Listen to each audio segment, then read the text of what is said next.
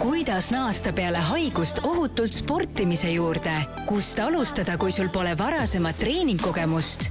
Eesti esimese Põhjamaade kvaliteediga töötervishoiukliiniku Medihoop kogenud spetsialistid aitavad sul nendele küsimustele vastata.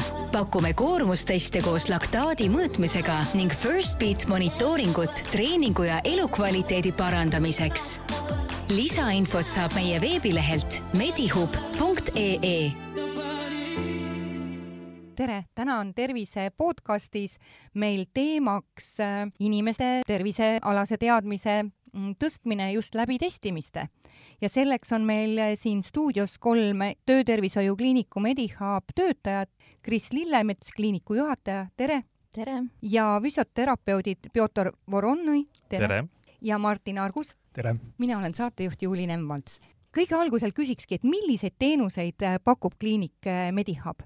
No Medihub tegelikult pakub väga laiahaardelisi äh, teenuseid töötervishoiu ja tööohutusega seonduvalt, aga täna me ei tulnud üldse sellest rääkima. täna me räägime äh, koormustestidest.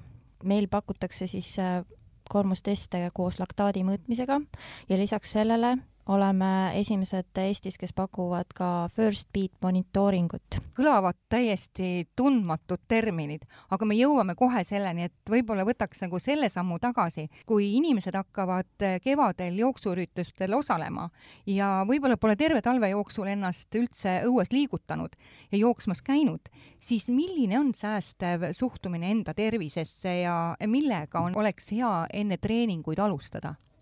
See on igati hea küsimus. Äh, ma vot täna istusingi kontoris ja vaatasin, et juba väga paljud inimesed on äh, oma to tolmused tossud kapist välja võtnud ja alustanud äh, Tallinna asfaldi vallutamist. küsimus on igati õigustatud, sest tihtipeale näeme, et terve talv inimesed istuvad kodus, füüsilise aktiivsuse tase on pigem madal ja kevadel esimeste ilusate ilmadega otsustavad, et nüüd on aeg hakata jooksma mis paraku ei ole kõige targem äh,, eriti võttes arvesse, et äh, mõnikord äh, talve jooksul ka kipub paar kilo juurde tulema, paraku nii juhtub ja see on täiesti okei okay. ehk siis mõistlik oleks alati vaadata, millise treeningkoormusega ma näiteks lõpetasin oma jooksuhooaega sügisel, et no näiteks tund aega jooksu järjest. ja kevadel võiks kindlasti alustada veidi rahulikumalt, ütleme äh, seal kakskümmend, kolmkümmend minutit ja vaadata, kuidas see enesetunne on. et kohe kindlasti ei tasu pärast äh, pikemat sellist äh, trennipausi hakata kohe täiskoormusega jooksma. aga kas ma peaksin ennem ka käima ja näiteks tegemagi mingi koormustesti endale, et ja vaatama, et kuidas mu tervisenäitajad on? väga hea küsimus. Medihubil on äh, käivitunud nüüd uus teenus, need on koormustestid ja tihtipeale inimesed on natukene segaduses ja mõnedel isegi on niisugune väike hirm, et äh, mis see nüüd nagu täpselt endas kujutab, mõned mõtlevad kuidagi kohe kas siis mingi kaitseväe mingisugustele normatiividele, aga asi pole kaugeltki nii hull. Äh, tegelikult äh, koormustestiga me saame vaadata inimese üldtervise seisundit, ehk siis meid kõige rohkem huvitab südame-veresoonkonna töö kui hästi süda kohaneb koormusega ja meie eesmärgiks on hinnata inimese üldist füüsilist vormi. Ja seejuures ei pea olema sportlane, sa võid olla treeninguga, ütleme siis täielik algaja äh,, sa võid olla juba kogenud spordimees või selline aktiivne harrastaja, kes osaleb näiteks ka äh, rahvajooksudel. ehk siis äh, see tegelikult on kõikide jaoks mõeldud kuidas üldse teie juurde saaks tulla koormustesti tegema, et kas on vaja mingit perearsti suunamiskirja või, või äh,?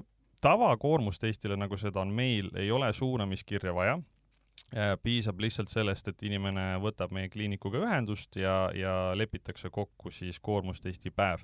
arsti saatekirja on vaja ainult sel juhul, kui tegemist on mõne tõsisema südamehaiguse kahtlusega ja ka siis suunatakse inimene juba kardioloogi juurde meie juurde saatekirja vaja pole. ehk siis see ongi inimeste puhas huvi, et nad ise tahavad oma tervisest rohkem teada. mul kohe tekkis selline mõte, et kui ma käin seal testimisel ära ja mis siis edasi saab, missuguses vormis tuleb see tulemus, kas ma tavainimesena üldse saan aru nendest äh, udupeenetest äh, diagnoosidest? Õnneks äh, ta ei ole selles mõttes nii udupeen, et meie katsume ikka tava mittemeditsiinilise taustaga inimesele alati võimalikult selgeks teha, et mis need tulemused tähendavad. ja ta on kahes osas. esimene osa on see, mida vaatab arst ja arsti jaoks on eelkõige tähtis, et äh, süda töötab noh, piltlikult rütmis, ei lange rütmist välja, et äh, koormusel ei teki mingisuguseid häireid südametöös, et vererõhk ei lange või ei tõuse liiga palju ja juhul, kui kõik on hästi, siis on hästi. aga kui peaks arst avastama järsku, et äh, seal on väike kahtlus, et äh, tead, et kõrgema koormuse ajal natukene selliseid veidraid anomaaliaid esineb, siis arst võib alati konsulteerida ja vajadusel isegi edasi suunata. see on esimene pool. teine pool on treeningsoovitused ja koormustesti tulemuste põhjal äh, saame meie täpselt määrata mis on selle inimese individuaalne selline soovituslik treening pulss, treeningsagedus, kui tihti ta võiks trenni teha ja kui palju et ma saan aru, et isegi tuleb nagu mingi väike soovitus või, või, või mingisugune, mingis sellises vormis, jah? jaa äh,, noh, konkreetselt inimene saab kaasa sellise nagu kokkuvõtte, kas ta nüüd tuleb meilile või ta tuleb äh, paberkandjal, ei ole suurt vahet kus on siis kõik need kõige tähtsamad äh, näitajad äh, ilusti nagu värviliselt välja toodud, kus on kõik numbrid olemas ja kus on ka need soovitused konkreetselt ja arusaadavalt lahti kirjutatud, et need ei ole sellised nagu teadustekstid, et inimene ei oska nendega midagi peale hakata, vaid eelkõige praktiline juhend mida ma peaksin tegema, kui tihti, kui palju. kui mul oleks vaja sellest äh, nagu järgmiselt veel konsultatsiooni, kas siis äh, teie ettevõte pakub seda või ma peaksin siis minema juba selle tulemustega oma perearsti juurde? see sõltub natukene sellest, mis on selle avastatud probleemi olemus. kui ikkagist tegemist on mõne tõsisema sellise noh, tervise nagu häire või mingisuguse rikke nagu kahtlusega, siis me konsulteerime ja üldiselt äh, see käib siis juba kas läbi perearsti või suunamine tuleb konkreetse erialaarsti juurde. ta võib ju olla ka võib-olla pigem ka mingi füsioterapeudi nagu vajadus, siis äh, seda me saame pakkuda ka kliinikusiseselt. hüva, Fjodor, ma olen täiesti lummatud sellest teenusest, ma registreerin ära ennast, aga mis on nagu need ettevalmistused, kas ma pean midagi nagu teadma ja tegema, kas ma peaksin eelnevalt mingeid analüüse tegema? Või ma pean midagi, ma ei tea, nädal aega enne mitte rasvast toitu sööma või mi mis on see? Õnneks kõik pole kaugeltki nii äh, kriitiline, piisab sellest, et äh, võtad kaasa spordiriided, päris tühja kõhuga ei tasu tulla sest see mõjutab, ütleme, seda suutlikkust nagu niisugust head tulemust äh, näidata. selline poolteist kuni kaks tundi enne võiksid süüa natuke süsivesikuid, võtadki oma võileiva banaaniga näiteks, väga rasvast toitu, nagu sa just ütlesid, ei tasu süüa, aga mitte terve nädal aega enne, piisab, kui sa lihtsalt hommikul ei, ei söö seakooti ja siis juba on äh, okei okay. äh,. kaasa võtadki oma spordiriided, rätiku, veepudeli ja tegelikult oled juba äh, koormustestiks valmis. analüüse sa tegema ei pea, aga me pakume koormustesti paketi raames võimaluse teha ka hea hinnaga Äh, vereanalüüse, kus siis vaadatakse põhilisi südame- ja veresoonkonna näitajaid, kaasa arvatud kolesterool, veresuhkur, kõik, mis nagu võib mõjutada südame tervist. ehk siis see ei ole eeldus, aga see on võimalus, mida me pakume. aga kui ma võtan siis sinna sellesse paketti selle vereanalüüsi, siis ma ikkagi tohin hommikul süüa, sest mul on olnud sellised kogemused, kus on just öeldud, ärge isegi kohvi jooge ja ma tulen kohale, mul juba pea käib ringi.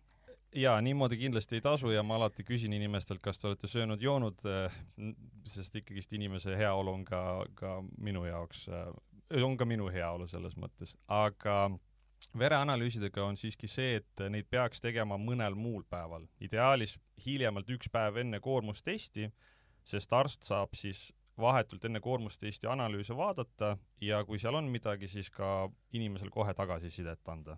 et need on kahel erineval päeval toimuvad siis vereanalüüsid ja koormustest.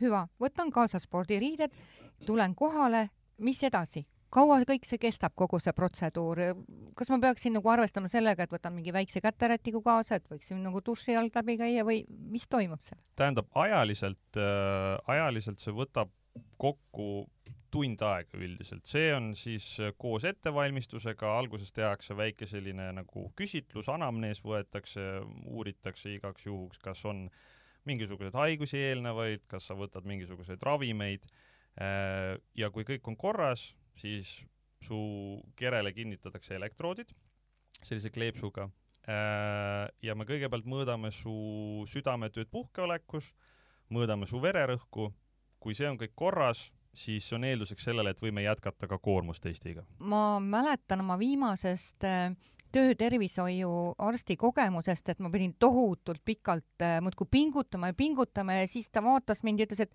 kas te rohkem ei saa siis nagu vändata või? tegelikult meil nagu ei ole tervisekontrolli osa see, see teenus, see koormustest, aga muidugi saab selle lisada, kui mõni ettevõte soovib. jah, et äh, koormustest tegelikult äh, me kasutame seda töötervishoiu raames siis, kui töö on väga füüsiliselt raske. et kui seal tõesti on äh, risk südamele, võib-olla siis, aga muidu või kõrged temperatuurid on ka näiteks? jah, et koormusteste mõnes kohas siis äh, töötervishoiu raames ikkagi kasutatakse, et äh, eriti siis, kui äh, töötajal on äh, selline töö, mis on füüsiliselt väga nõudev näiteks, et sel juhul on see igati näidustatud, aga näiteks kontoritöötaja puhul noh, meie seda töötervishoiu raames ei osuta, aga see on võimalik võtta siis lisateenusena. ma olen siis nüüd teie juures, toimub see koormustesti ja ma saan ka järgmine kord tulemused, aga räägiks nüüd see veel, et teil oli kuskil ka jutt, et te teete laktaadi mõõtmist, mis asi see on? laktaat on äh, väga huvitav äh, ja kuna kolleegid juba mind hoiatasid, et ma kipun liiga teaduslikuks minema, siis proovin natukene lihtsamini seletada Äh, seda tuntakse ka tavalise piimhappe all, et noh, öeldakse tihtipeale, et vot ma tegin nii tugevat trenni, et lihased on piimhapet täis, mis tehniliselt on ka korrektne. laktaat tekibki intensiivsel treeningkoormusel ja seal juures ei ole vahet, kas ma jooksen, hüppan, ujun, laktaat võib tekkida iga, ka ütleme, nagu Martin juba ütles, füüsiline töö, ka seal, et kui intensiivsus on väga kõrge, seda laktaati hakkab nagu tekkima.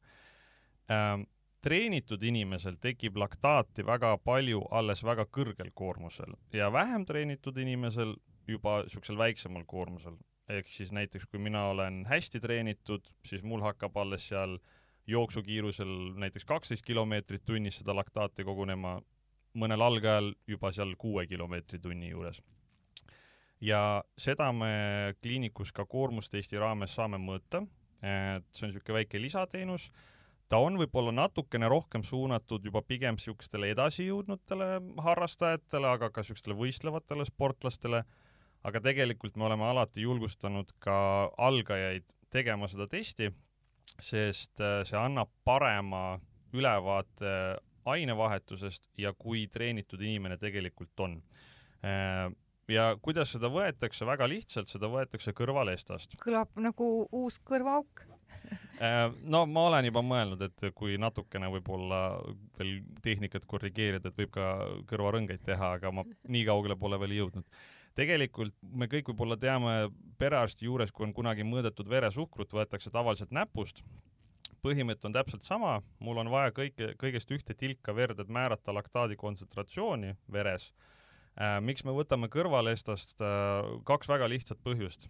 esiteks kõrvalest on niisugune hästi neutraalne kude, äh, see, ta ei ole väga tundlik, ehk siis kui ma sinna torgin, siis see ei ole valus üldiselt, äh, ja teine põhjus, ta ei higista. Äh, sõrme otsas on hästi palju higinäärmeid ja testi ajal see lihtsalt hakkab segama sest siis ma pean eriti palju puhastama. mida te sellest laktaadi siis näidust, on see õige niimoodi öelda, jah? Näid-, näidust siis mul välja näiteks loeksite? ma loeksin seda, et kui ma näen seda ütleme siis neid numbreid, sest ma mõõdan testi jooksul korduvalt seda, ehk siis ma mõõdan viiekümne vati juures, saja vati juures ja nii edasi. ja mina näen graafikult lõpuks seda, et mis hetkel seda laktaati hakkab lihastesse väga palju kuhjuma. ehk siis ma saangi selle, ütleme siis pulsi ja laktaadi näitude põhjal ma saan anda väga täpse mm, ütleme siis individuaalse treeningsoovituse, et vaata, vot kui sa sõidad sellise kiirusega või jooksed sellise kiirusega, see on sinu jaoks liiga kõrge intensiivsus.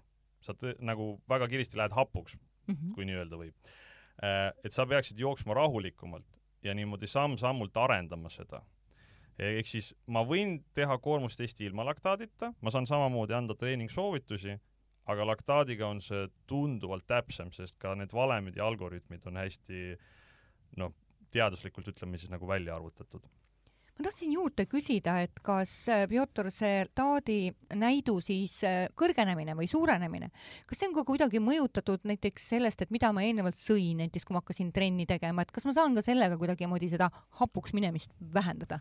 see on kusjuures, äh, mul on hea meel, et sa küsisid, sest see on tõesti niimoodi, et kui süüa hästi palju süsivesikuid, ehk siis ma söön kilogramm makarone enne koormustestile tulekut, siis laktaadi näitajad on kõrgemad, kui nad peaksid olema ehk siis äh, jah, kui inimene sööb hästi palju süsivesikurikast toitu, siis laktaat tõuseb iseenesest juba.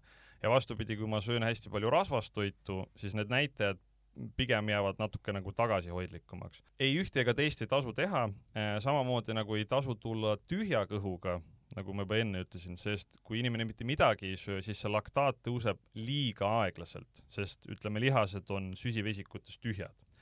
Äh, ja see võib omakorda nagu tuua olukorra, kus minu see hinnang ei ole enam korrektne, sest lihtsalt inimene on oma ainevahetust nii palju mõjutanud, ehk siis tühja kõhuga ei tohi ja kilogramm makarone süüa ka ei tohi. kui nüüd siis on ähm, meil ka laktaadid ära mõõdetud, siis kõige algusel mainis Kris, et teil on first beat või ja, kuidas ta äh, hääldab? First beat on äh, tõepoolest äh, selle nimi, et tegemist on siis stressimõõtjaga, kui väga lihtsalt öelda see on siis äh, selline küljes kantav stressimõõtja, mis äh, kinnitatakse siis äh, rindkere külge ja ta mõõdab siis nii-öelda objektiivselt stressi, mis tähendab siis seda, et et tema tehnoloogia põhineb siis südamelöögi sageduse variatiivsuse analüüsimisele ja see on täiesti teaduslikult äh, tõestatud meetod, äh, teaduses isegi hetkel äh, on ta justkui kuldstandardi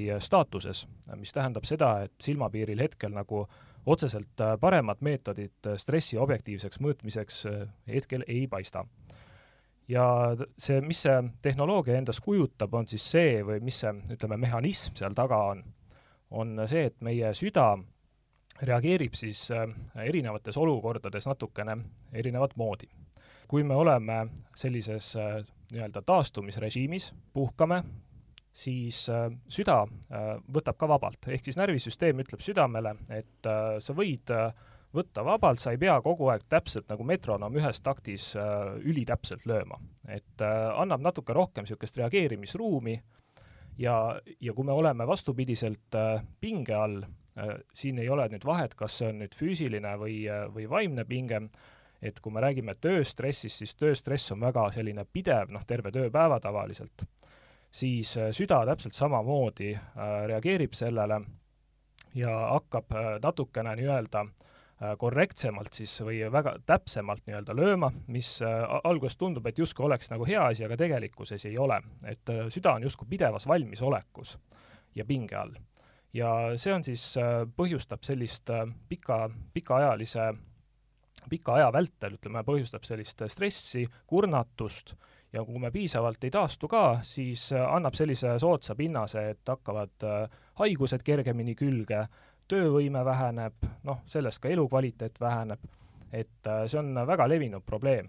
nii, Martin, ja nüüd ma saan aru, et siis selline monitooring annab inimesele siis selle hetkeseisu teadmise, on nii, jah?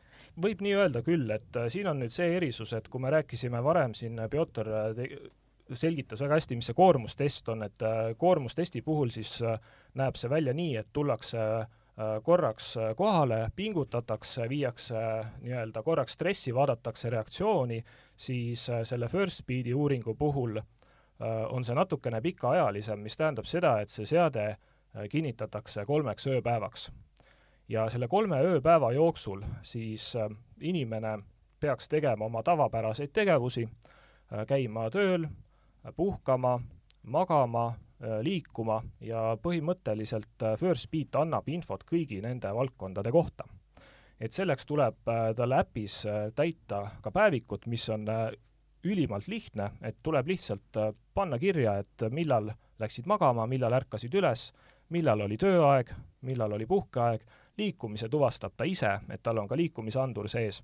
Ja pärast saab siis tagasisidet, saab vaadata, et äh, kuidas oli äh, minu tööst stressitase, kas ma taastusin sellest piisavalt äh,, kuidas ma magasin, kas liikumist oli piisavalt ja, ja selle põhjal saab siis äh, seada eesmärgid ja hakata siis nende probleemsemate kohtadega tegelema. ja tegelikult me isegi pakume nagu kahte varianti, et äh, nii seda kolmepäevast mõõtmist kui ka siis kolm pluss kolm, mis tähendab seda, et vahepeal on võimalus äh, kontakteeruda meie spetsialistiga, saada juba sellised esmased äh, tagasisided nii spetsialistilt kui ka siis äh, seadmelt, sest äpp annab kohe tagasisidet ise.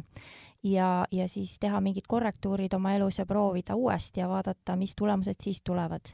et ma ise ka proovisin seda seadet, sest et see tundus nii põnev. et hästi mugav, väikene, tillukene pisikene asjakene käib sulle külge, ta ei sega sul ei magamist, ei töö tegemist, ära ta ei tule noh, duši alla minnes tuleb siiski ära võtta, aga siis saab ta tagasi pandud. näeb väga uhke välja ja lastele pidin ainult selgitama, et miks emme vilgub, et äh, olen biooniline naine. Ja siis ta mõõdab sul nii-öelda seda stressi, nagu äh, Martin ütles, ja mõõdab taastumist ja sealt saab väga head, äh, väga asjalikku tagasisidet, et näiteks minu puhul mina arvasin, et noh, ma olen kolme lapse ema ja käin täiskohaga tööl, et, et raudselt see stressitase on ilgelt kõrge ja, ja et sellepärast ma olen kogu aeg nii väsinud. noh, tegelikkuses selgus see, et stressitase on täitsa okei okay,, on normis, aga ma lihtsalt ei tee piisavalt pause päeval. Ja kohe, kui ma siis selle tagasiside nii-öelda vastu võtsin ja hakkasin äh, seda siis rakendama oma, oma elus, siis mul enesetunne ka kohe paranes. Aga see on ju tegelikult noh, ma mõtlen ise, et see on ju niivõrd hea ettepanek, et teha pause. no võib-olla oli inimesel noh, näiteks teie tüüpi vaja, eks on ju, aga et teil on siis selline võimekus meeskonnal tõlgendada seda, et mida ja. keegi üldse vajaks, eks. Ju, ma ei oleks seda tulnud selle peale, et soovitada inimesele, et tee pause just, ma arvasin ka, et see, see, see töö ähm, nii-öelda pinge ja, ja kodune laste kasvatamise pinge on nii suur, et ma ei arvanud, et mingisugune viieminutiline kohvipaus midagi muudaks, aga muudab. jah, täpselt, et, et siin tegelikult äh, loeb ka see, mida pauside ajal tehakse. paljud inimesed ütlevad, et nad teevad pause, aga noh, mida see paus endast kujutab, see annab ka et võimaluse lihtsalt jälgida, et, et põhimõtteliselt äh, see graafik, mis, mille see First Beat välja joonistab, on väga ilus, visuaalselt hea vaadata ja väga täpne, et sa saad kellaajalise täpsusega vaadata, et äh, kas oli paus ja kas sa pausi ajal tegelikult ka taastusid. Vau, see tekitab mul juba väga uudishimu. aga ma tahtsin just ennem, kui Kris hakkas rääkima oma seda kogemust, eks on ju, ma tahtsingi küsida seda, et et näiteks äh, kui inimene on, on pidevas ärevuses, et siis see tegelikult see ju, see stressifoon on ju tal üleval eks ta ju kogu aeg äh, neerupealsed toodavad kortisooli, ta valmistub kas võitlema või põgenema. see ju peaks ka andma sellist stressi näitajaid ülesse või, või kuidas teil seal äh, praktika on tõestanud? jaa, kindlasti äh, ärevus üleüldiselt tõepoolest mõjutab seda olulisel määral mis nüüd, äh, kui nüüd hormoonidest rääkida, siis mis, mis selle First Beati eelis on see, et äh, ta ei ole kuidagi invasiivne, me ei pea verd võtma ega midagi, ta ei ole kuidagi ebamugav. Ja pluss ta monitoorib seda järjest pidevalt, et kui me ikkagi analüüsime seda mingite meetoditega, kus äh, näiteks seesama, võtame verd, vaatame, mis seal sees on, et siis see näitab ainult selle vere võtmise hetke nii-öelda seisu aga First Beat loob siis ajas graafiku, et me saame viia nagu noh, ühe, üks ja üks kokku, et mis oli see tegevus, mida me tegime ja milline oli selle tegevuse ajal see stressitase. ehk siis me saame reaalselt vaadata, et mis tegevused on need, millel oleks vaja midagi muuta kõlab väga mõistlikult äh, selle üldise elu taustal, kus on väga palju ärevust, kus on väga palju selliseid raskeid uudiseid ja teemasid pidevalt üleval ja inimesed püüavad ennast rahustada aina uute ja uute kas uudiste lugemisega, mis hoiab tegelikult seda üldist ärevuse fooni väga kõrgel.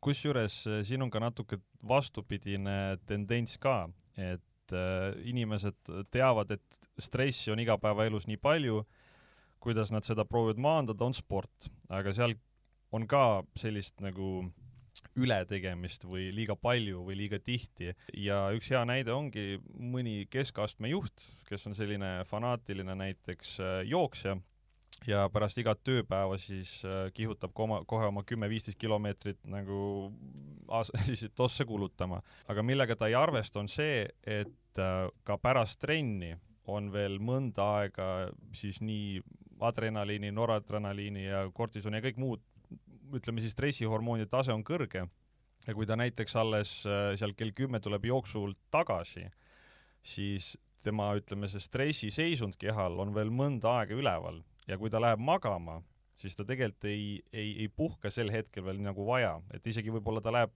heal ajal või nagu no, õigel ajal, nagu öeldakse, magama, aga keha tegelikult ei taastu. Ja mis siis juhtub, et tema, lisaks tema tööstressile, mis tal tekib päeval, ja lisaks sellele siis füüsilisele koormusele ta veel tegelikult ei maga piisavalt hästi, mis jällegi võiks First Beati, ütleme siis uuring nagu väga hästi ka näidata ja see selles mõttes nagu koormustest ja First Beat nagu täiendavad üksteist. koormustest näitab seda maksimaalset, ütleme siis nagu füüsilist võimekust ja taastumist vahetult pärast koormust, aga First Beat saaks näidata seda, et kuidas ma siis järgnevad päevad tegelikult äh, koormusest taastun, stressist taastun ja kas mu keha jõuab nagu oma energiavarud taastada lõpuks. kui nüüd äh, tuleb teile klient kes siis võtab ühe, teise ja kolmanda uuringu, kas on tal võimalik saada ka teie juurest konsultatsiooni, näiteks sellesama, selle first feed'i kohta, et millist, äh, ma ei tea, kas elustiili muutust ta peaks tegema või milline peaks olema ka tasakaalustatud toitumine seal kõrval, et mis on nagu need teadmised, kui ma tuleksin nüüd tõesti pärast tööd, lähen veel jooksen kümme kilomeetrit, ma ei ole piisavalt toitunud, kas ma siis vitsutan oma kõhu täis ja siis lähen magama, et kuidas see komplekssus oleks? jah, et äh, kui me räägime nüüd äh, First Speedi teenusest, siis, siis sinna sisse käib spetsialisti konsultatsioon. Esmase tagasiside annab First Speedi äpp ise, aga ta annab lihtsalt sellised skoorid, et milline on see sinu stressitase ja milline on sinu unekvaliteet ja, ja kuidas liikumisega on, aga täpsema info saab siis spetsialistilt, et spetsialist küsib küsimusi juurde, millega see inimene täpsemalt tegeleb. Ja siis sealt on võimalik äh, välja selgitada need murekohad, et äh, näiteks kas see on seesama uni või see äh, noh, näiteks seesama, tõite välja see söömine enne, enne magama minekut, äkki sellepärast unekvaliteet, see on kohe näha sellest äpist, et söömine enne magama minekut, kohe on need rohelised taastumise tulbad on palju väiksemad. eriti alkoholiga, näiteks kui on alkoholi tarbitud nädalavahetusel ja minnakse magama, taastumine on kohe oluliselt kehvem et see on, see on tegelikult täitsa üllatav, kui hästi nad välja joonistuvad seal. kusjuures see on ka alati selline individuaalne, et äh, kui näiteks tuleksid Martini juurde First Beati uuringule, siis Martin kõigepealt uuriks, et mis, mis ütleme, see kõige rohkem sinu arvates stressi tekitab, kas see on just see tööpäev, mõnele võib-olla hoopis nädalavahetus, sest võib-olla ta teeb nädalavahetusel midagi, mis on selline stressirohke. et see on ka hästi individuaalne, et mida me kõige rohkem tahame uurida, et millist nagu ajavahemikku ja mis puudutab toitumist, kuna toitumine on, nagu mina ütlen ja, ja mu treener kunagi ütles, on äh, seitsekümmend viis protsenti ja trenn on kakskümmend viis protsenti heast tulemusest, siis äh, toitumissoovitused on ka koormustesti osa, ehk siis inimesed saavad lisaks treeningsoovitustele kaasa ka niisugused toitumissoovitused, äh, nii üldised kui ka ütleme spordispetsiifilisemad. väga hea, sest muidu on, ma ise hakkasin kohe mõtlema, et mina ei oskakski üldse siis ju enda peaga siis neid vajalikke muudatusi teha, sellepärast et noh, nii, nii tugevad on ju harjumused, et kuidas ma olen oma enesetarkust äh, nagu usaldanud ei, ja, ja absoluutselt ja ega see ei olegi niimoodi, et pärast koormustesti paber kätte ja ole tubli, vaid ikkagist äh, inimene saab juba koha peal sellise mm. eksperdi konsultatsiooni, kas siis arsti, füsioterapeudi äh, ja lisaks veel kaasa ka siis juhendid, mida ta saab kodus riputada näiteks külmiku peale ja iga päev siis niimoodi uhkelt vaadata. Kris, küsiks veel ära, et kuulajatele anda aimu rohkem, et millega teie kliinik veel tegeleb, et rääkige mulle natukene sellest ka esimene Põhjamaade standardiga äh, tervi-, töötervishoiukliinik Eestis ja pigem nagu siis keskendume ennetamisele, et üldiselt on Eestis kombeks äh, nii-öelda tagajärgi, tagajärgedega tegeleda. et meie üritame ennetada, see algab sellest, et äh, me oleme teaduspõhised, me ei tee ühtegi üleliigset analüüsi ega, ega testi tervisekontrollide raames näiteks. lähtume siis konkreetselt äh, ametist ja selle, sellele vastavatest ohuteguritest pluss siis arvestame ettevõtte enda riskianalüüsi ja, ja, ja tervisekontrolli plaaniga. Ongi nüüd head mõtted kõikidele, kellel on töötervishoiu teemaga siin veel tegeleda, et mitte tulla teie juurde. ja, ja eriti on ju praegu niisugune äh, kuum teema psühhosotsiaalne koormus, arvestades seda, mis maailmas toimub, et ka sellega me tegeleme, et määrame nii-öelda seda taset ja aitame siis äh, ka läbi testida? see on nüüd juba teist sorti testid, mida teevad siis meie tööpsühholoogid, kes siis äh, vaatavad töökeskkonda sellise targa pilguga ja aitavad siis teha seal muudatusi selleks, et inimestel oleks tööl parem olla ja et inimeste motivatsioon oleks oleks parem ja et tulemused oleksid ettevõttel paremad. tahtsin veel üle küsida, et kuna meil hakkab siin saateaeg otsa saama, et kas on veel lõpus midagi juurde täiendada? mina omalt poolt ütleksin kõigile spordientusiastidele, kes plaanivad näiteks mingisugusteks rahvajooksudeks valmistuda, et et kindlasti kontrollige oma jooksutossu üle, need kipuvad väga kulunud olema, igal tossul on oma eluaeg, et mitu kilomeetrit ta tegelikult kannatab ja teine soovitus on see, et tõenäoliselt üle poolte inimestest, kui nad valmistuvad, siis nad treenivad liiga intensiivselt, ehk siis see pulss peaks olema tegelikult natukene madalam, et optimaalselt valmistuda. Intensiivne treening võiks olla niisugune viiendik treeningust, ülejäänud võiks olla niisugune aeroobne, niisuguse keskmise sellise intensiivsusega, et äh, ärge pingutage üle, tahan ma öelda. ja nende heade mõtetega me tänaseks lõpetame ja meil olid stuudios külaliseks Töötervishoiukliinik Medihub töötajad Krist Lillemets, Pjotor Voronni ja Martin Argus. mina olen saatejuht Juuli Nemvalts kuidas naasta peale haigust ohutult sportimise juurde, kust alustada, kui sul pole varasemat treeningkogemust? Eesti esimese Põhjamaade kvaliteediga töötervishoiukliiniku Medihoop kogenud spetsialistid aitavad sul nendele küsimustele vastata. pakume koormusteste koos laktaadi mõõtmisega ning First Beat monitooringut treeningu ja elukvaliteedi parandamiseks lisainfot saab meie veebilehelt medihoop.ee